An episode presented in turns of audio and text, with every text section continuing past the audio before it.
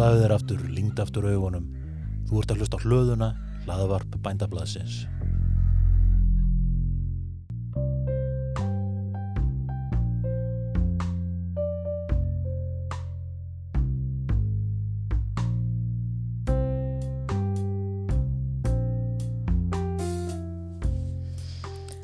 Góðan dag.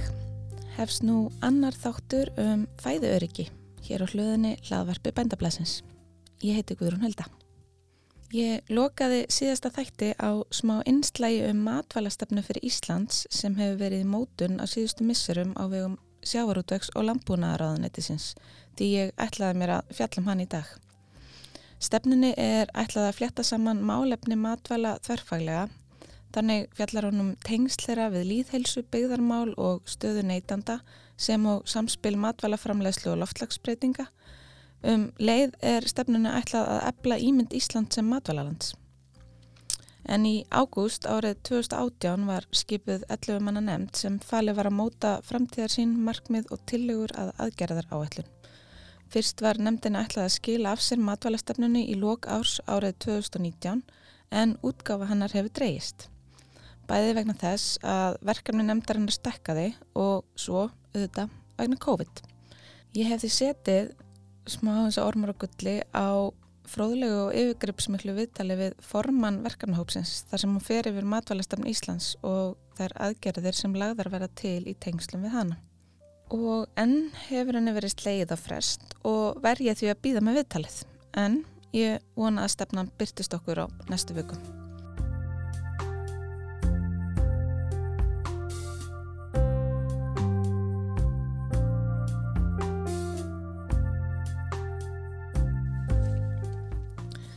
Þanga til langa mig til að lauma til ykkar samtali sem ég átti við annan nefndarmann í starfsópi um matvælastefnu. Í staðs að einblýna engöngu á stefnuna þá fóru við vitt og breytt í fæðu öryggisumræðinni en það hefur viðmælandin þekkingu inn í landbúnað sem og einsinn inn í stjórnkerfið og svo er hann bara með svolítið skemmtilega skoðanir. Ég held ekki að þú haft gaman að þessu. Leifum honum að kynna sér sjálfur til leiks. Ég heiti Kári Gautarsson og er uh, voffyrðingur búsettur í Reykjavík og vinn sem framkvæmastjóri Þinglokks vinsti Græna. Uh, bakgrunum minn er sá að ég er með meistaragráði í búfjörðarfræði og hef stundað, eða semst, unni við landbúnað mestallæfi síðan fyrir tveim árum og, og hef svona hugsa um fæðuriki og bara landbúnaði breyðu samingi alveg síðan ég fór að hugsa eitthvað sjálfur sko. og þessi hópur hefur semst, verið að vinna því að setja matvæla stefnu til lengri tíma fyrir Ísland nokkur sem hefur aldrei verið gert áður hefur verið gert í uh, ná, nokkur nágrannlöndum okkar í Danmörku og Svíþjóð til dæmis og uh, þar er verið að horfa á þetta í mjög breyðu samingi á matvæli og á umhverfis áhrif, á líðheilsu, á uh, neytendur, á atvinnu við um land og, og svona. Og eðlega þá kemur fæðu öryggi inn í þetta, inn í þessa vinnu þá undir þessum líðheilsu hatti svolítið, en ég held að það sé gaglegt líka bara að hugsa fæðu öryggi á svona mörgum stegum sko, þú veist, það er fæðu öryggi að eitthvað sem er lág að tekjur geti fengið hotlan og góðan mat alltaf en það líka fæður ekki að Ísland sem heild sko, geti afla sér þeirra aðfanga sem það þarf til að viðhalda þeirri fránuslu sem það vill einhvern veginn og við erum alltaf háð um, svona al alþjóðleiri aðfangu keði mjög mikið eins og bara allir aðri í dag sem gerir þetta rosalega flókið sko. að uh, við getum ekki verið einhvern veginn uh, eiland í þeim skilningi að við bara séum sjálfum okkur nóg um allt en það er svona bú, að horfa á kerfið og velta fyrir sér hvar það er veikt fyrir, hvar við getum aukið svona einhvern veginn þann þólið uh, tannig að við þólum betur högg á þessa alþjóðlegu aðfangukeði þegar hún kemur því að það er ekki spurning um ef heldur frekar þegar sko. mm. þannig að manni finnst svona lógiskast fyrsti, fyrsta atriði til að aðtúa í þessu fæðiðurkis fæðurikismynd er orgu kerfið í samgöngum og yðnaðirinni uh, að ef við aftengjum þörfin á því að vera stöðu tengt á inn á einhverju ólíulegslu úr Norðursjónum að þá eru við er þann þólið aukið verulega uh, bara geta flutt matvælinn frá A til B á þess að þurfa að flytja inn olíu til þess að það gerir okkur örugar í þessum skilningi. En er það eitthvað raunhæft að hafa algjör orkuskipti sérstaklega í skipum og traktorum og flugulum sem stærri ég meina við erum ekkert að fara að geta þú veist kyrt traktora á repju, er það? Um, ekki til skamstíma nei, en það er hins vegar að koma metandriðin dráttavel frá New Holland uh, hvað ég held að plana hún verið seld 2021 og það er eldsneiti sem við getum framleitt sjálf og erum að framlega sjálf alveg gríðalegt magna metani mikið meira en við notum á Íslandi úr hérna hjá Sorpu.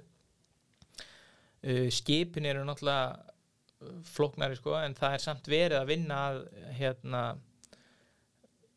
því að keira þau á gasi bæði, bæði hérna jarðgasi sem er náttúrulega jarðneðelsendi en líka á ammoniaki sem uh, Íslandíkar gæti alveg framlega sjálfur eða það vildu. Það er þá framleitt bara úr vatni og rafmagni og hérna þess með rafgreiningu. Uh, en það er allt saman eitthvað sem er ekkert að fara að gerast á morgun en þetta er samt hlutir sem eru í gangi að þróa orkugjafa fyrir þessi aflfreku tæki sem verða ekki ramastriðin eins og litlu fólksbílanir okkar. En hvað þá með einmitt af því að við erum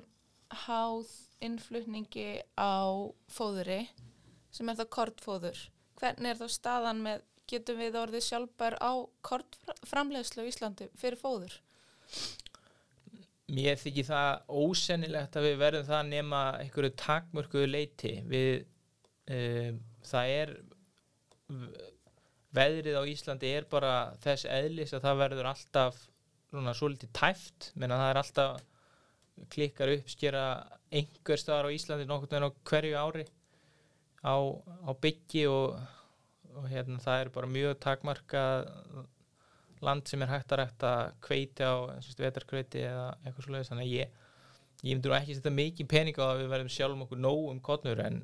en hérna það er hugsanlegt að það komi inn aðrar uh, framlýslaðferðir sem þá að rækta þörunga á eitthvað svona í einhverjum kerjum til að búa til hérna kolvetni og já, prótein og allt mögulegt sko, þannig að það er hugsanlegt að þó við verum ekki sjálfum okkur næ í, í kottrækt að það komi e, einhverjar leiðir til þess að framlega þessa vöru hérna á Íslandi. Og það er alltaf annars slægi síðan með einhverju svona galdrafrettir bara að þetta er að fara að bjarga öllu e, nú síðast frá einhverjum held ég að það veri í Finnlandi þar sem nú voru að nota hérna vatn og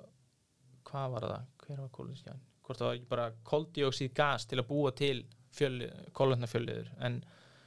maður er svona alltaf svolítið skeftískur á að þessar svona galdra aðferðir muni uh, verða nægilega ódýrar til að koma í stað fyrir hefðbundnu framlegsluna en hver veit sko það er ímislegt að gerast. En nú fæður ekki, einmitt, það snýst ekki bara endilega um eitthvað sem er svona akút, það heldur þetta líka einmitt bara aðgangur fólks að þeim mat sem það vil neyta. Og þar kemur inn á þú veist efnahag fólks og líka inn á það hvað það telur sig vilja borða. Mm. er eitthvað að vera að horfa í það til dæmis, ég menn er verið að leggja áherslu á meiri grammetis framleiðslu en nú er eitthvað svona? Já, það er uh, áhuga á því að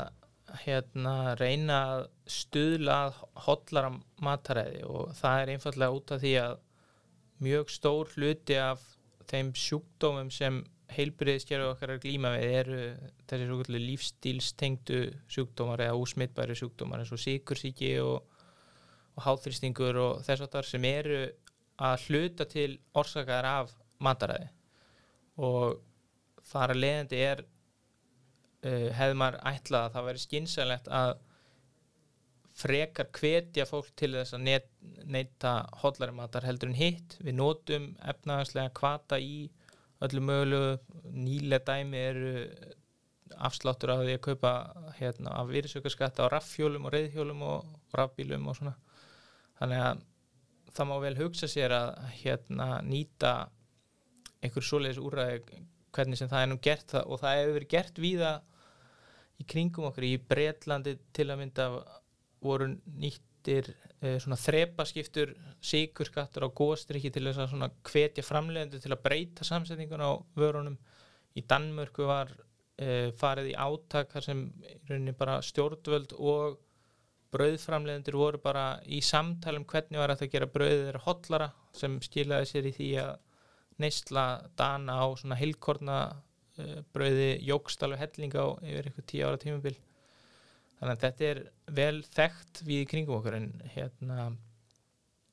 og á Íslandi var gerð skamvinn tilraun með sigurskatt til að beina fólki frá uh, sigruðum góðstrykkjum sem ég heldur nú hafi kannski aldrei verið neitt sérstaklega vel hefna vegna þess að verðið á því hækkaði um einhverja 5 krónur lítir eða eitthvað og þá skiptir það rauninni einhver og allflesta eiginlega einhver máli. En já þannig að það er svona hægt að horfa á ímissar aðgerir til þess að auka uh, neysla á hotlu matalum og maður sér þá á ráðleggingu landlæknis í matræði svona að maður horfir yfir hvernig það hafa þróast þá þróast það náttúrulega fyrstulega hægt að þetta er uh, unnið í saminu í Norrlöndin og það er alltaf verið að gera nelt hvað var þar hérna, vísindagrunn á því en það eru samt að breytast í því að uh, vera svona fjölbreyttar í fæða uh, minka minka væða á rauðu kjöti og, og þess að það sem er alltaf búið að vera í umræðinni í áratögi hérna, hvað sem manni finnst um það sko, svona heilsufarsrannsóknar. Og svo er það náttúrulega líka bara vel þekkt að efna minni heimili þau eigða meiri hluta sína ráðstöðunutekna í matvali þannig að það þarf að gæta því hvað hérna, hvað er gert til þess að breyta hegðun fólks að það kom ekki verst niður á þessum heimilum. Og uh, það er svona svolítið erfitt í að fólk, sko, fólk vill neyta matar, maður þekkir nú bara best sjálfur að ef þú vilt fá þér eitthvað sem þið langar í þá skiptir það í lengur máli hvort það er eitthvað svona smávægilega uh, smávægilegur vermunur þannig að veist, það þarf að býta til að ef þú ætlar að breyta hérna, hefðun fólks og, og svo er það náttúrulega bara veist, spurning um svona filosófíu hvað þú ætlar að ganga langt í í því að hérna ríki sé skipta sér að því hvað sért að, að borða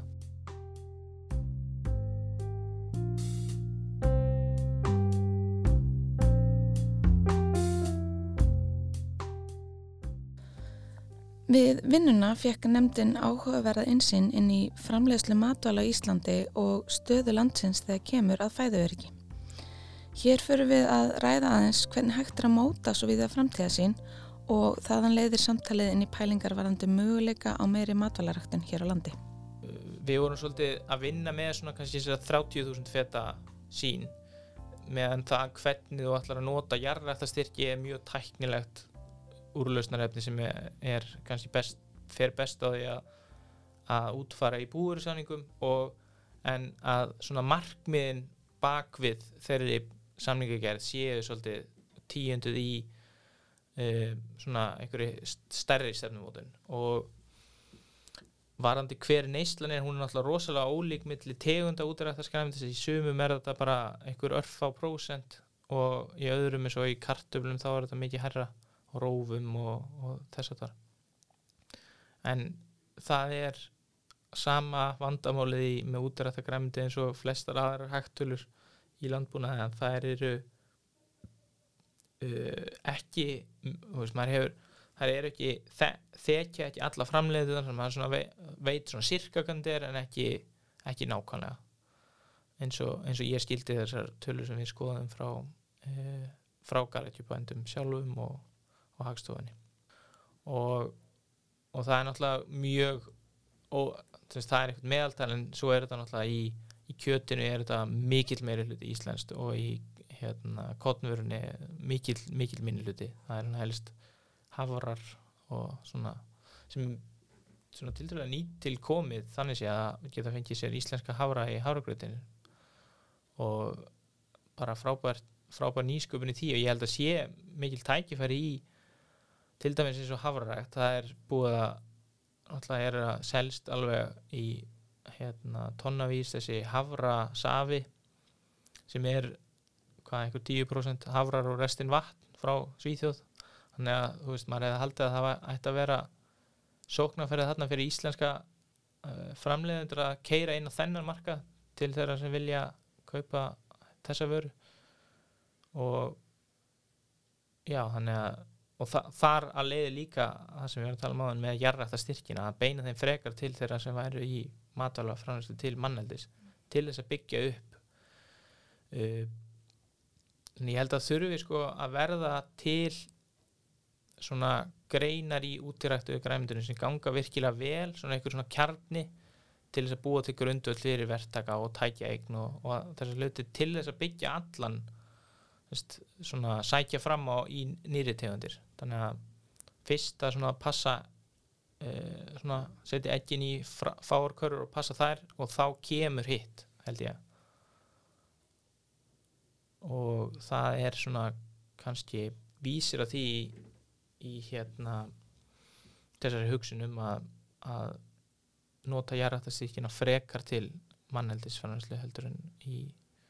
fóðurframlæslu fyrir skepnur Þarna vorum við einmitt komin inn á mitt sér áhugaðsvið og mér fór að vefjast tunga um tann. Ég hef nefnilega veltið fyrir mér hvernig við séum mögulega að tapa þekkingu með því að rækta ekki ákveðna tegundur í á landi og þekkingaskortur getur leitt á sér minna fæðuöryggi. Ég hef svona mest ráðgjur að því að við séum kannski að tapa þekkingu af því að það verist verið eins og til dæmis græmitisrækt sem ég hef svona sérstaklega áhuga á sé ennþá gert af svo rosalega mikilvæg hugssjón nema maður sé í þessum styrtu greinum, hann að tómata, papriku eða gúrku að þá er allt hitt bara gert af einhverju svona hugssjón og það er ekki allir sem að geta unnið bara hugssjón og þá er svona hlutir eins og bara það er vel hægt að rekta laug á Íslandi. Það er svo auðvelt að rekta laug en af hverju ætti ykkur hér að vera að rekta laug þegar maður getur fengið laug á 50 krónur kílóð út í búð frá Kína. Mm. veist, og þá er engin veist, þekking, það er ekki verið að viðhalda hljóms yrkjum hérna, einhverjum laugyrkjum sem að passa ótrúlega mikið vel. Og þá er þetta orðið öryggismál því að svo allt innu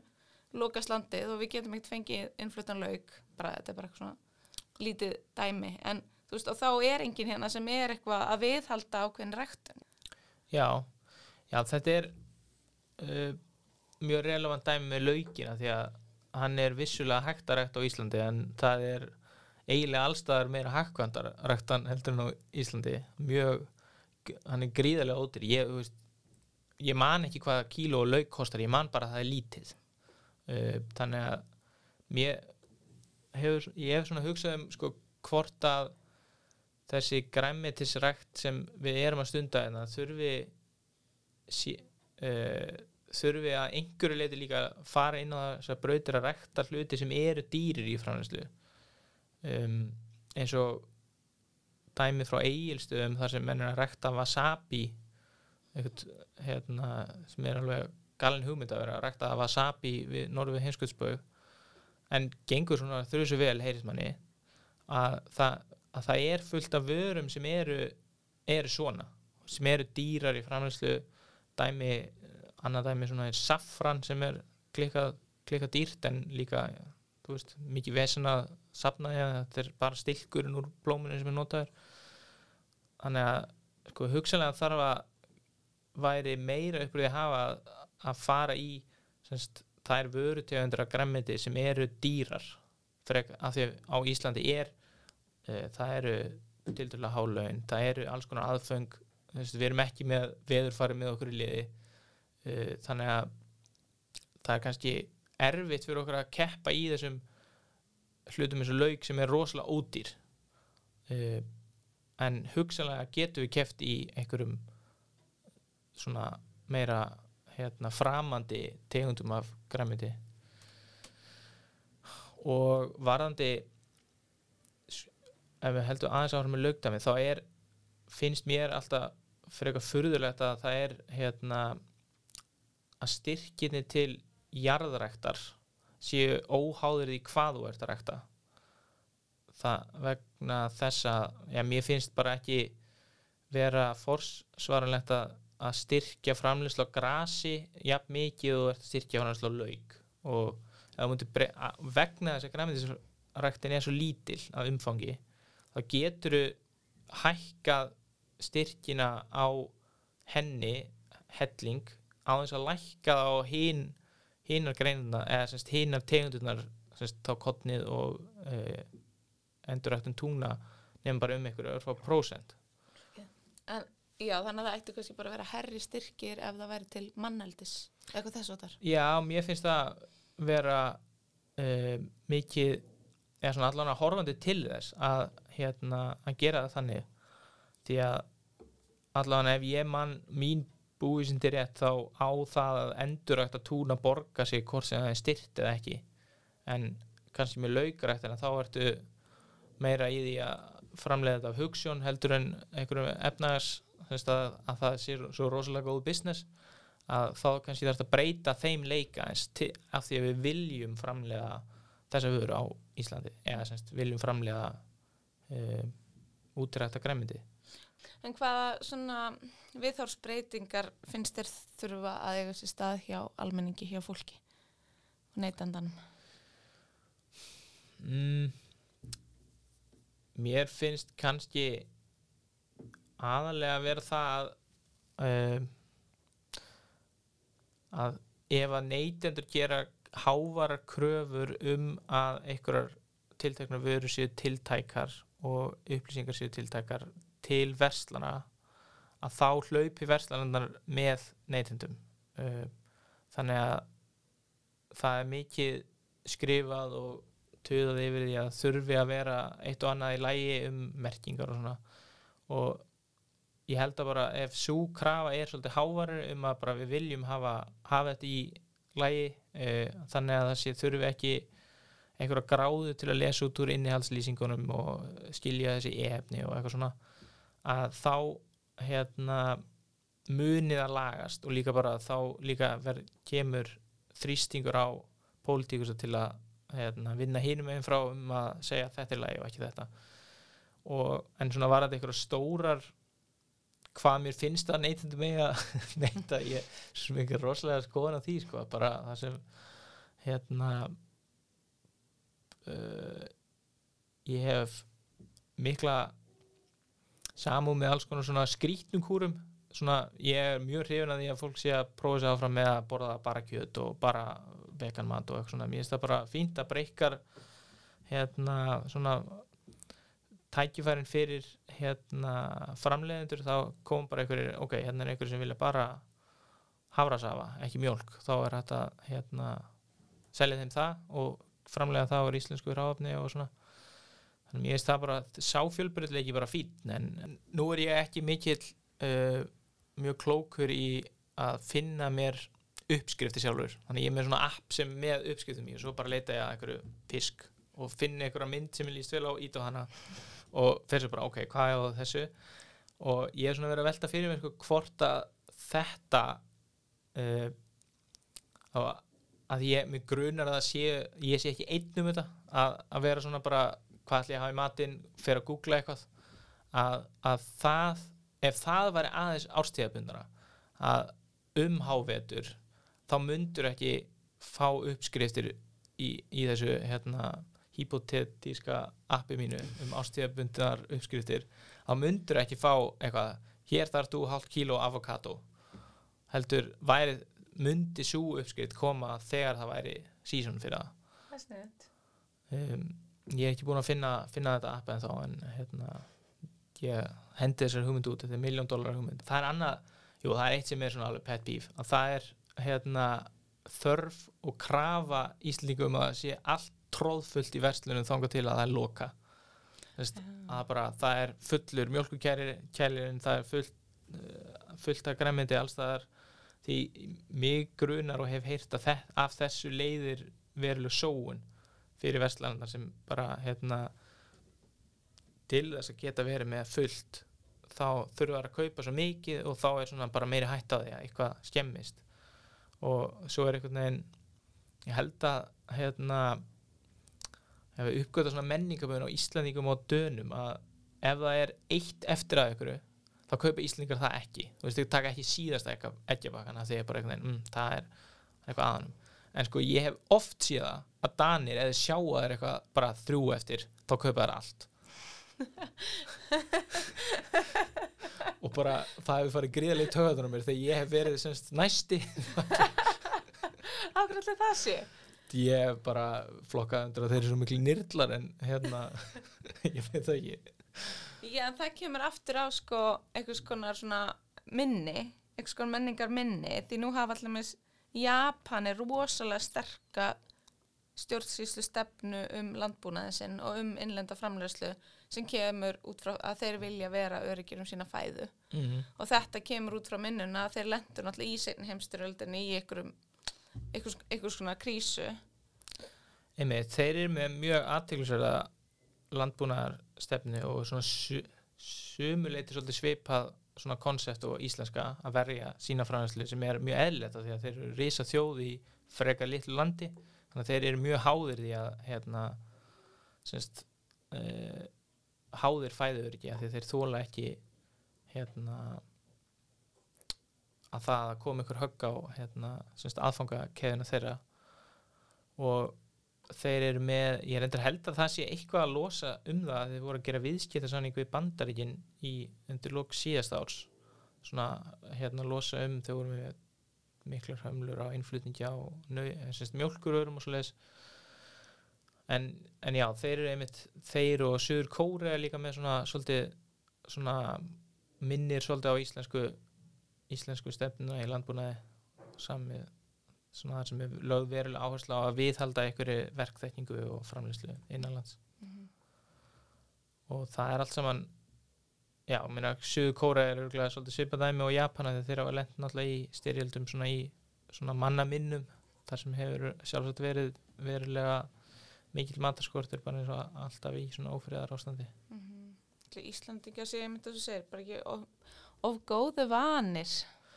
Jó, líka sem sko útflytjandi á, þá hefur við yfirleitt grætt á því að hafi verið hérna styrjaldir. Það er bara hækka verð á fisk og bara allir allir óa gladir með það sko og hérna þannig að það hefur ekki ekki verið svona sama pressa og að þú ert á hinum endanum og það allt sem þú ert að kaupa er að hækki verði. Mm -hmm. En hvað sér þú þá fyrir er svona hvað maður segja, næstu 20 ári ef þessi stefna var tekinn svona til lengri tíma mm. hvað, hvað, hvernig stendur Ísland eftir 20-30 ár er varðar fæðu öryggi hugtækið og stefnu Íslands í því? Uh, ég held að í svona besta mögulega heimi hvað það var þar þá væri, hefðu orðið orgu skipti að miklu leiti í framleiðslu á matvælum. Uh, þar að segja með dráttarvelunar með flutningana melli landsluta og, og þess áttar og það væri dreifðari framlegsla á til dæmis ábyrðið, það væri framleitur ég sé fyrir mér að eftir, já, eftir þennan tíma þá hægt að framlega ábyrð úr svona, þú veist, eins og úr fiskjöldinu, það kem, kemur til að greiðlega mikil úrgangur úr því sem væri hægt að breyta í ábyrðu til náttúrulega tún og þar að leiðandi, þú veist, skera innflutan ábyrðu af aðfanga keðinu sem við þurfum. Og svo er hérna, spennandi nýsköpunarfyrirtæki sem er að vinna með eitthvað mikroframhanslu ábyrði þetta er Admonia sem er Íslands fyrirtæki hugsalega mun það springa út og bændur geta bara framlega sjálfur sinn hérna köpn uh, sinn köpnuræðnis ábyrð bara heima á sér. Þannig að þetta er því svona dreifðara hvað það verðar og svo held ég bara að framlegslan þurfa að breyka til að það bæði held ég myndi styrkja búsetu grundvöld, fæðurörki og bara svona atvinnu hætti að vera framlega einmitt laug og kannski er ykkur einhverju rúgldallar að framlega safran og flytja á Európu og þú veist, það er verið að framlega fleiri tegundur af þessu af þessum svona grunn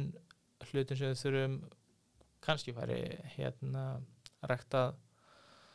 væri í hellisega virki nota heitt vatn, svona einhvert affallsvatt til að framlega hérna kolvetni í fóður og og þess að það, þannig að ég held að sé bara að vera ótrúlega margt sem mun breytast á næstu 20-30 árum og náttúrulega engin leið að segja fyrir hún hvað verður en svona hugmyndir sem ég með í hausnum er svona að það verði veruleg svona nýsköpun í því hvern, hvaða aðfengu við notum og hvernig við notum þau og í bara hverju hvað við erum að framlega og það verði svona svolítið breyðari svona stærri matadiskur með fleiri tegundum af, af vörum á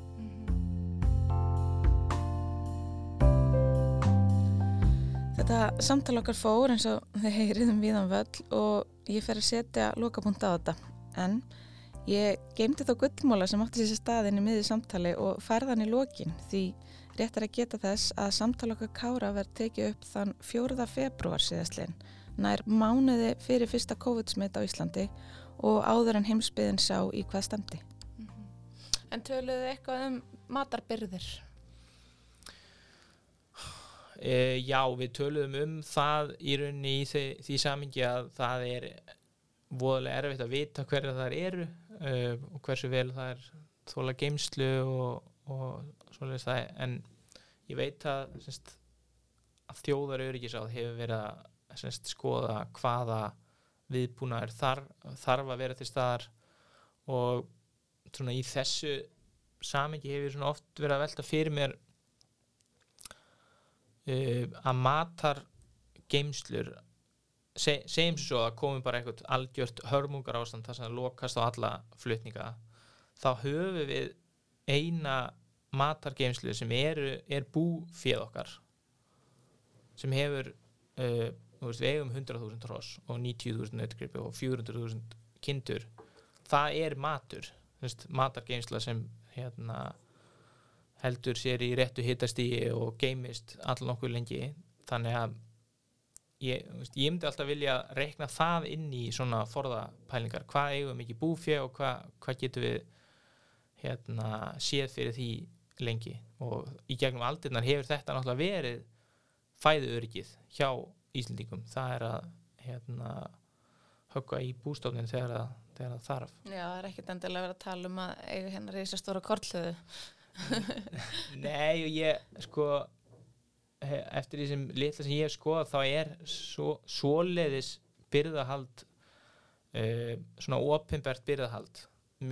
orðið mjög takmarka nefn í einhverjum svona þrónulundu þar sem eru mjög oft þurrkar og svoleiðis. En þetta eru orðinir svona orðið engavætt ansi að það eru einhverjir spákaupmenn sem kaupa hérna kottn og hanga á því í einhverjum engareknum kolluðum og setja svo marka þegar það verið hækkar og eitthvað svona. En maður er svona skeftískur á að það en já, það er náttúrulega bara spurning hvers, hversu líklegt heldur maður að verði eitthvað svona högg? Og ef maður telur að mjög líklegt að verði skortur á korni þá kannski er alveg eðlilegt að vilja leggja í þann kostnað að byggja reysastóra kortgjenslu hérna niður við sundahöfn en ef maður telur að vera býstna ólíklegt og að Íslandingar gætu keift sig veist, að kottnverði myndi bara hækka en að því Íslandingar er mjög ríkir að geta þeir alveg uh, keift sig fram hjá vandanum þá kannski er það ek, myndi það ekki borga sig. En þetta er eins og, eins og snjóflóðavarnakarðar þú vilt ekki endilega borga fyrir þá en þegar það kemur snjóflóð þá er mjög fegin og gerir það sem er uh, þannig ég held svona kannski einhvern, einhver milli ef menn vildu fara í eitthvað svona þá væri það hugsanlega hægt að gera það í samstarfi við þá sem er að flytja inn vörunar að, hérna, að þeim sé gert að eiga XX uh, vikna byrðir Er það ekki slúst núna? Er ekki eitthvað samstarf á milli ríkis og byr- byrgja núna? ekki sem ég veit að, að, að það sé að sérst að lífland sé bara beðið um það að eiga sex vikna byrðir af korni í kjúklingarækt þó þeir sjálfst eigi sex vikna byrðir bara á því að skipin kom ekki það oft og eitthvað svona. En þá er það ekki neinn neina hvaðir að skilda á þeim. Ekki sem ég veit til. Þú veist, fólk er ekkert með marga vikna byrðir að mat heima hjá sér. Af því að einhverju hluta vegna þá gerum við ekki ráð fyrir þessu og einhverju hluta vegna þá finnst mér eins og fólk gerir ráð fyrir því að eitthvað yfirvald okkar velferðarkerfi myndi grípa okkur, skilur þannig að einhver staðar svona, einhver staðar í huganum held ég að fólk búist við því að það sé einhver að hugsa um þetta fyrir mann. Já, algjörlega og þetta hrundæmi er náttúrulega mjög var svona álagspróf af því að þá vildu allir erlendu byrginni fá bara greitt, uh, staðgreitt fyrir allt. Og ég man að það var hringt í föðubróða minn sem var þá formaður íslenska lóðdýrabænda bara frá selabankanum til að kanna hvað veri mikið til á gjaldarisreikningum lóðdýrabænda. Að að menn voru bara að reyna að fá yfirlit yfir hvað væri hægt að skrapa saman sko í, Ok. þarna í nóvumber 2008 þannig að e, en akkurat ég held að bara þú sérð hús í dag það eru engin ný hús með svona búri eins og er í öllum eldri húsum. Og það er held ég færri af svona þúsaldakynnslóðinu sem eru með fristikistur ekstaðar í bílskúrnum fulla af kjöti og svona. Þannig að við erum klálega uh, orðið mjög vöndi að komast í hakkaup klukkan, þú veist, halv eitt á lögutarsnóttu til að kaupa okkur mjólk og eitthvað svona það sé alltaf allt til. Og maður veit svona ekki alveg sko hva, hvort að það sé uh, veit ekki stundur gert grína með mér fyrir að vera svona survivalist frík sko að því ég er með fristi, fristi með hérna haugaslátri og lambakjötu og svona sko Hvernig var þetta bara ekki allir með þetta bara fyrir 30 árum? Já, þetta er ekki þetta er ekki hérna, orðið það algengt núna allan ekki því hverfi sem ég bý í Vesturbænum en hérna ka kannski er hérna nöðsilegt að menna, ég sá að Rauðikrossinu var daginn að hérna, auglýsa eitthvað svona viðla pakka sem ætti að vera til allstar sem hérna bara út af eitthvað svona náttúruhamfyrum og þar er talað um að eiga eitthvað svona mat fyrir eitthvað örfá daga og eitthvað svona. Þannig að þú veist, við erum kannski bara orðin svo góðu vön að þarf eitt svona gott uh, góða lokun á landinu út af einhverju, einhverju veirusýkingu til að minna okkur á það að hérna, það er ekki alltaf það er ekki alltaf jólin í þessu Semi þá ég held í endurleita að kári sig eitthvað sko Nostradamus. en hvort að þarf endilega að vera þannig að við förum aftur í tímur og allir séum við búr og hérna allt fullt af kveiti og, og svona nýldu vörum ég er svona kannski ekki mjög trúar á að það koma aftur en, en klálega held ég að fólk bara reikni með að þetta sé í lægi og ef þetta er ekki í lægi þá verður það mjög fljótt mjög pyrrað út í yfirvöld sem ekki, ekki sjá til þess að það sé uh, matur í hillunum. Og eðlega því að það er nú kannski eitt, eitt aðal hlutverki á stjórnvöldum er að akkurat tryggja það sko. Hvað telur þú að þú eigir mikinn forða af mat heima hefur fyrir þig og fjölskyldina þina? mm, sko. Ég er ekki alveg viss hvað ég er búin með mikið af lampinu mínu. Og svo á ég 20 og eitthvað sláturkeppi það er nú alveg dugar, dugar svolítið sko. Ég hefndi segja alveg hygglust mánuð sko. En það er ekki rosalega fjölbreyttum matur. En, það, en þar sko þá væri við svona alveg tvær þrjár vikur af því bara í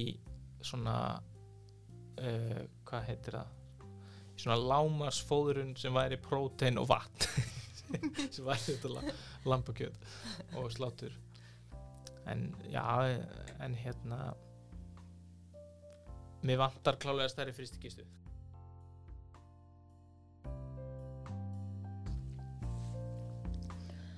Fæðuöryggi er framleitt af hlöðinni hlaðvarpi bendablasins. Ég heiti Guðrún Hulda og er þáttastjórnandi. Yfirlestur var í höndum Jóhannu Bjarkar Sveinbjörnsdóttur. Hljóðmyndin var gerð af Nótdrops. Þangar til næst, veriði sæl.